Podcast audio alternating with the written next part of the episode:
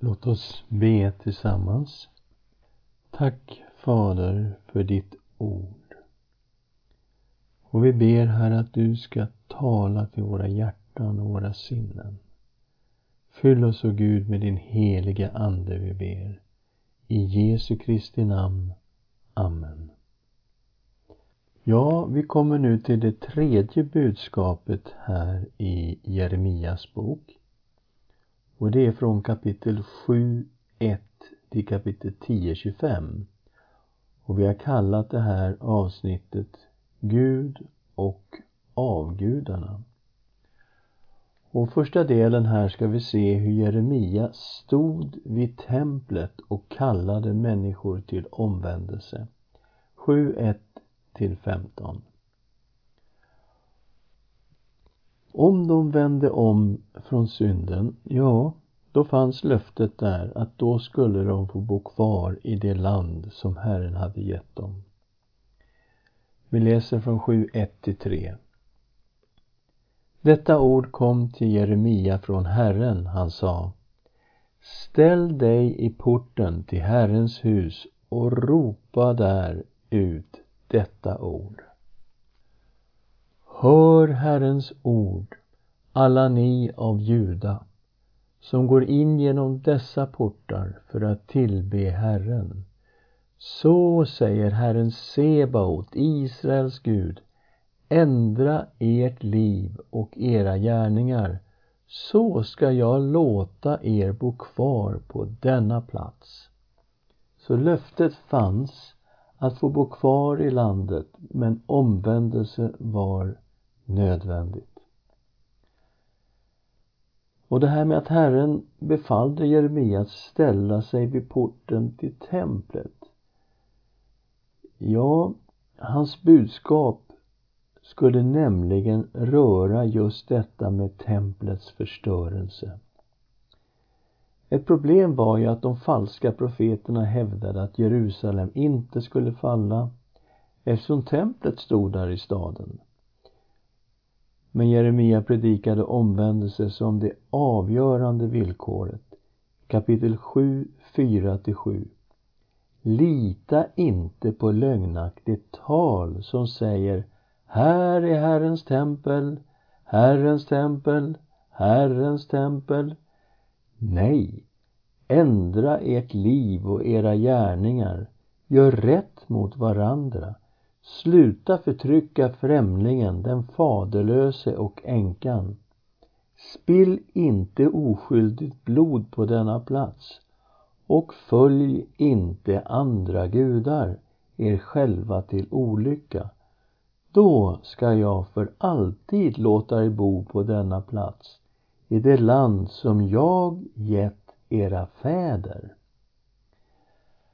Herren uppmanade dem att komma ihåg vad som hände med tabernaklet som en gång stod i Kilo. Troligen hade tabernaklet härjats av filisterna. Vi läser i 7 och 12. Gå bort till den plats i Kilo där jag först lät mitt namn bo och se hur jag har gjort med den på grund av mitt folk Israels ondska. Så tabernaklet, det här tältet som Gud sa till Mose att göra under ökenvandringen.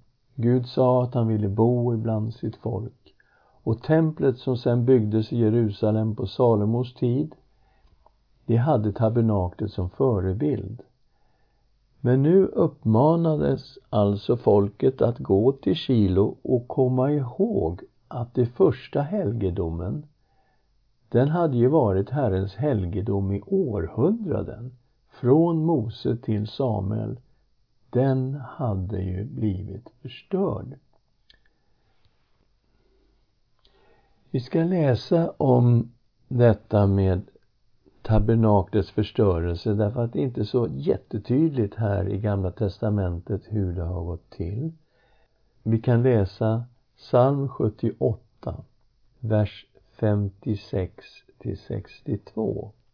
Men de trotsade och frestade Gud den högste. de höll inte fast vid hans vittnesbörd. De vek trolöst tillbaka, som sina fäder.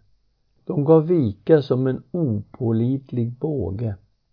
De väckte hans vrede med sina offerhöjder och kränkte honom med sina avgudabilder. Gud hörde det och blev vred.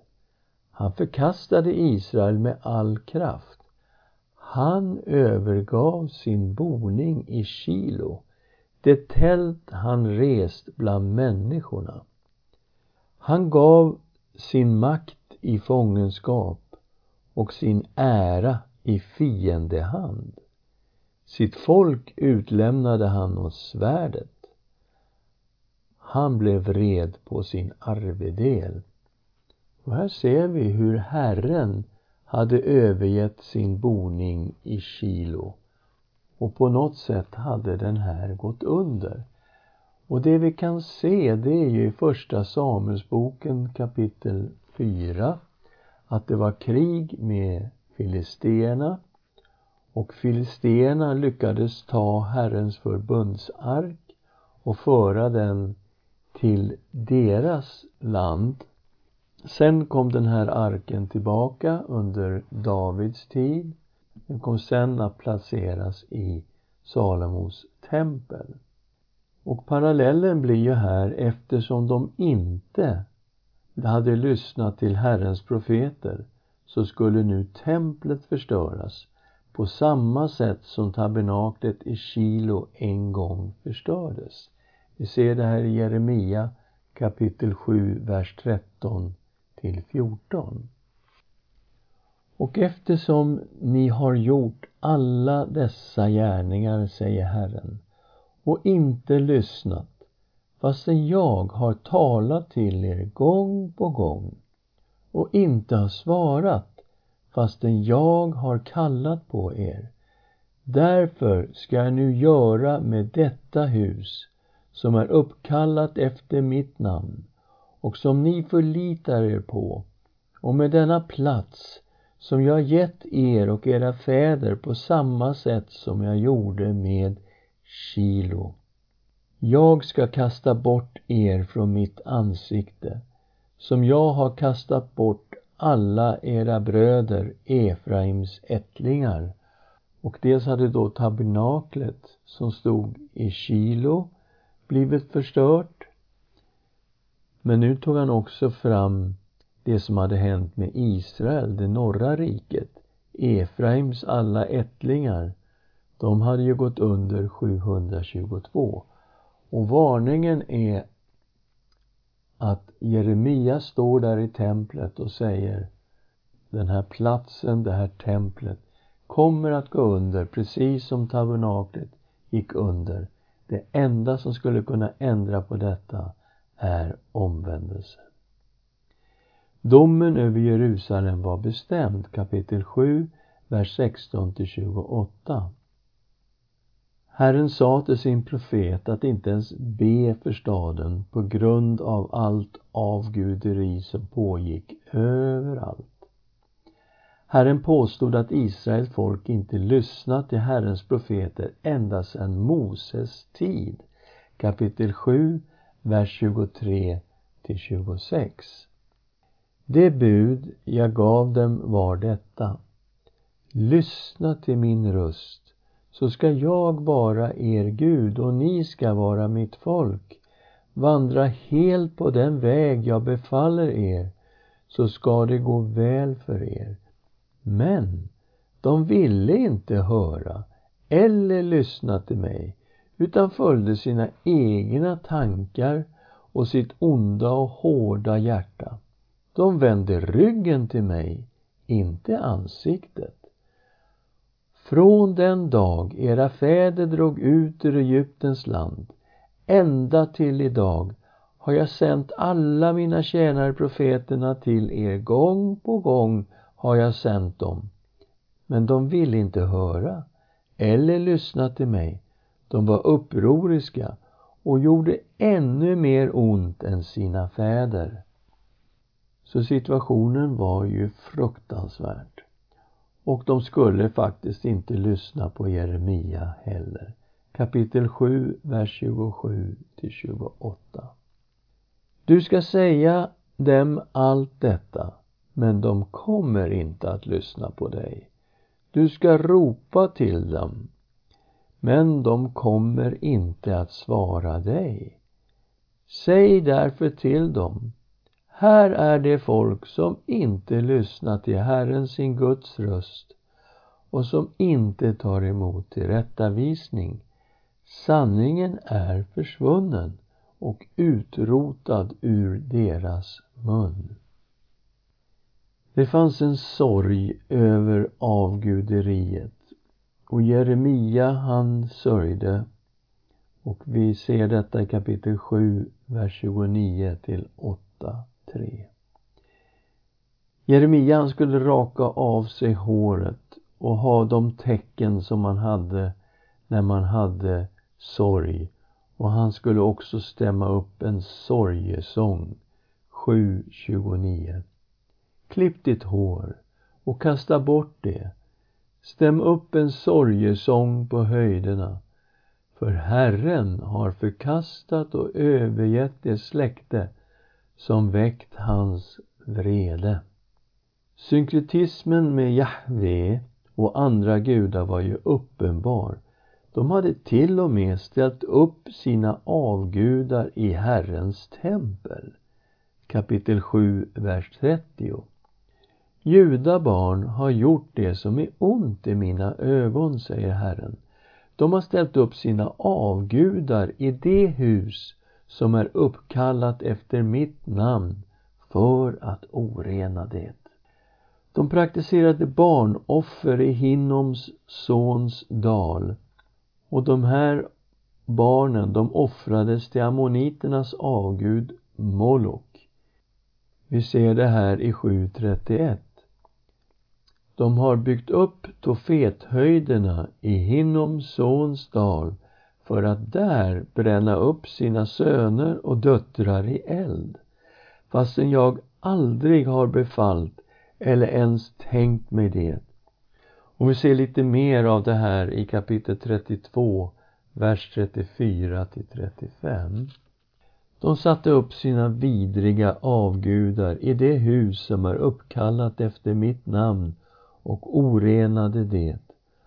Och Balshöjderna i Hinnoms sons dal byggde de upp för att offra sina söner och döttrar åt Molok fastän jag aldrig hade befallt dem att göra något så avskyvärt eller ens tänkt mig det, så lockade de även Juda till synd. Så Jerusalem locka, lockade resten av Juda till synd.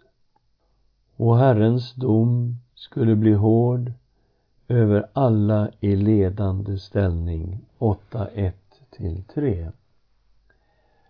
Avfallet var väldigt stort, 8.4 till 17. Herren beskrev folkets avfall och ingen var intresserad av att lyda Gud. Var och en ville vandra sin egen väg. I 8.6 läser vi jag har lyssnat och hört efter. De talar det som inte är rätt. Ingen enda ångrar sin ondska. Ingen säger vad har jag gjort? Alla viker av i egen riktning. Och de falska profeterna, de fortsatte med att predika sånt som folk ville höra. Så här står det om de falska profeterna i kapitel 8 och 11. De tar det lätt med att bota dotter min folks skada och säger allt är väl, allt är väl, men allt är inte väl. Det skulle komma en fruktansvärd invasion från norr. Och vi vet att det var Babel som skulle invadera från norr. 8 och 16. Från Dan hörs hans hästar frusta. När hans hingstar gnäggar bävar hela landet. De kommer och slukar landet med allt som finns där staden och alla som bor i den.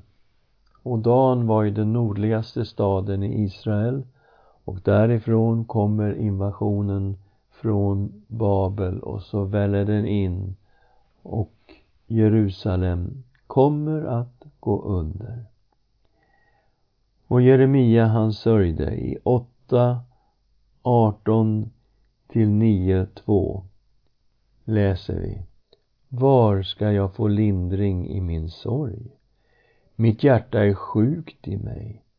Hör dottern mitt folk ropar i fjärran land. Finns inte Herren mer i Sion? Är hennes kung inte längre där? Det är alltså Herren som var Israels kung.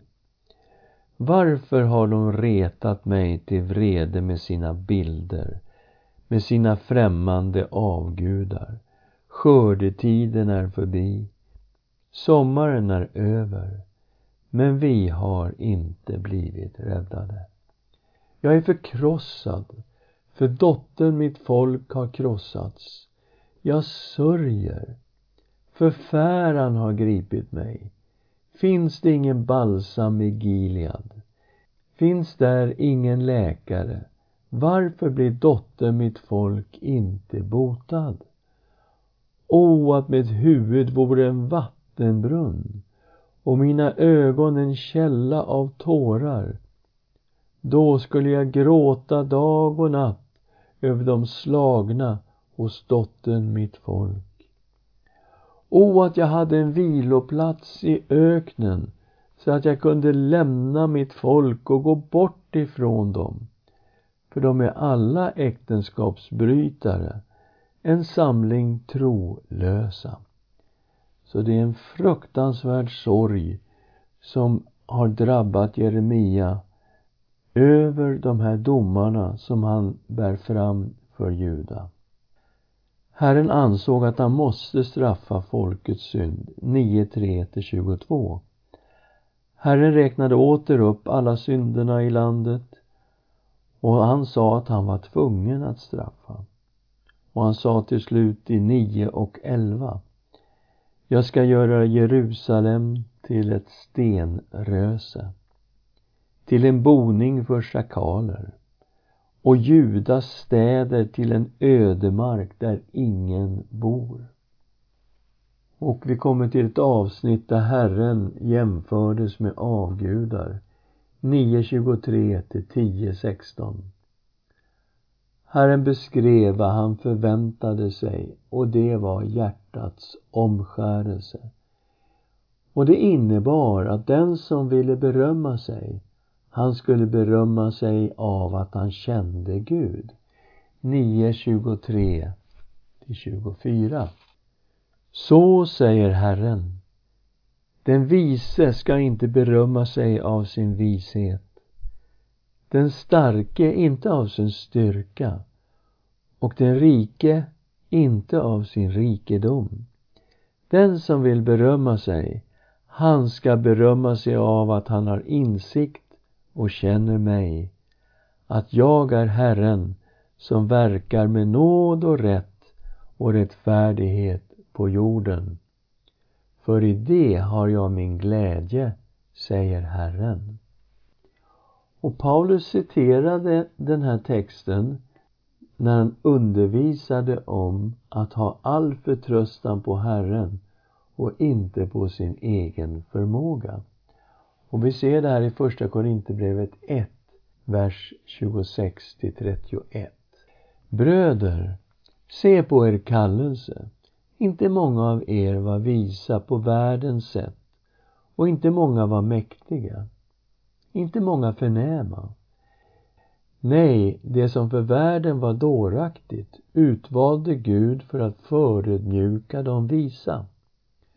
Och det som för världen var svagt utvalde Gud för att förödmjuka det starka. Och det som för världen var obetydligt och föraktat och inte fanns till det utvalde Gud för att till göra det som fanns till, för att ingen människa ska berömma sig inför Gud.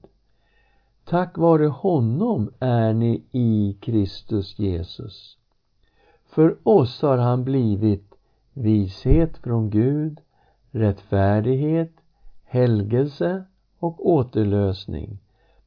För att det ska bli som det står skrivet, den som berömmer sig ska berömma sig av Herren. Och vi ser här hur aposteln Paulus använder samma tankegångar som vi möter här i Jeremia kapitel 9, vers 23 till 24. Han talade om att församlingen i Korint, att Gud utvalde det som var svagt för det som ingenting var och syftet var att ingen människa skulle berömma sig inför Gud. Men den som berömde sig skulle berömma sig av Herren. Och i Herren hade vi allt vad vi behöver. Tack vare Gud, Fadern, är vi i Kristus Jesus.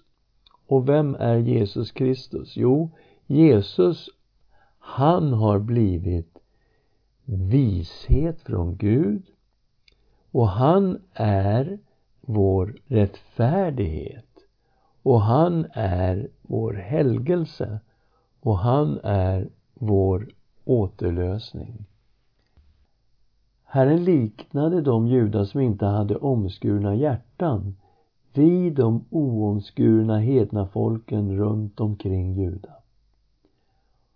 Och Paulus undervisade ju på samma sätt om den sanna omskärelsen i Kristus. Och vi läser det här i Jeremia 9, 25 och 26. Se dagar ska komma, säger Herren, då jag ska straffa alla omskurna som ändå är oomskurna. Egypten, Juda, Edom, Ammoniterna, Moab och alla ökenbor med kantklippt hår, för hedna folken är alla oomskurna och hela Israels hus har ett oomskuret hjärta. Och det här är oerhört likt det som aposteln Paulus undervisar om i Romarbrevet 2, 26-29 och Filipperbrevet 3, 1-3. Vi tittade på just de här verserna på budskap 2 när vi gick igenom det. Men det är ju en fruktansvärd anklagelse mot judarna att de skulle vara som de oomskurna folken runt omkring dem. Men den här anklagelsen backades ju upp av en varning att följa hedna folkens gudar. 10, 2-5. Så säger Herren, ta inte efter hedna folkens sätt. Låt er inte skrämmas av tecken på himlen, därför att hedna folken skräms av dem. För folkens seder är tomhet. Man hugger ett träd i skogen och hantverkarens händer formar det med yxan. Man pryder det med silver och guld och fäster det med hammare och spik så att det inte faller omkull. Som fågelskrämmor på ett gurkfält står de där, kan inte tala. Man måste bära dem, för de kan inte gå. Och allt det här var ju då att Juda följde folkens avgudar och på så sätt var de som de oomskurna och de hade inte omskurna hjärtan. Och Jeremia fick då vara som en kontrast och illustrera vad det innebär då att ha hjärtats omskärelse. Vi läser hans tillbedjan av Herren kapitel 10, vers 6 till 8. Ingen är som du, Herre. Du är stor och stort och mäktigt är ditt namn. Vem skulle inte frukta dig, du folkens konung? Det anstår dig bland folkens alla visa och i alla deras riken finns ingen som du. Alla är oförnuftiga och dåraktiga, vägledda av tomma trägudar. Och avgudarna beskrevs som produkter av hantverkare. De var både tomma och verkningslösa. Kapitel 10, vers 9 10. Och Jeremia han beskrev istället Herren som skapelsens Gud. Kapitel 10, vers 12 till 16. Han har skapat jorden med sin kraft. Han har grundat världen med sin vishet och spänt ut himlen med sitt förstånd. När han höjer sin röst, då brusar himlens vatten. Då låter han regnskyar stiga från jordens ände.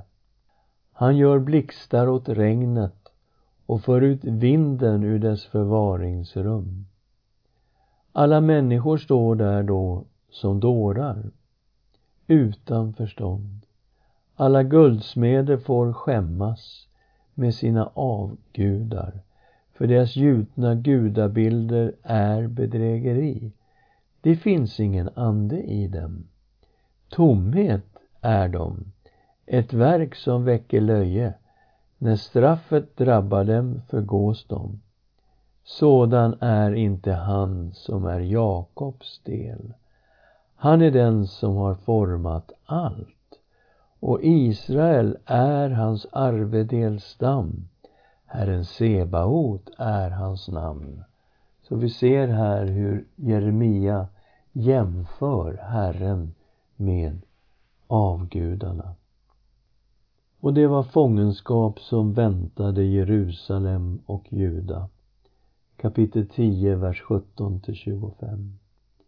Katastrofen kring Jerusalems fall beskrevs som när man river ett tält. Så här står det i 10 och 20.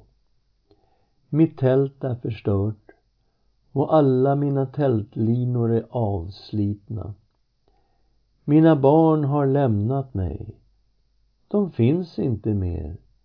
Ingen är kvar som kan slå upp mitt tält och sätta upp mina tältdukar.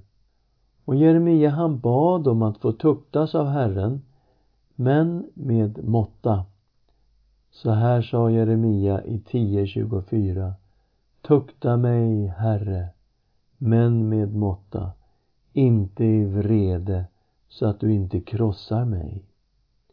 Men Guds vrede, den önskade Jeremia över de folk som hade utplånat hela Israel.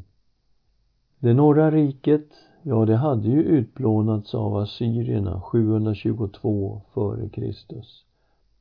Och nu var det Judas tur och det skulle utplånas 586 före Kristus. Och Jeremia önskade att de folken som hade utplånat Israel skulle drabbas av Guds vrede. Låt oss be tillsammans. Herre, vi möter en förtvivlad situation.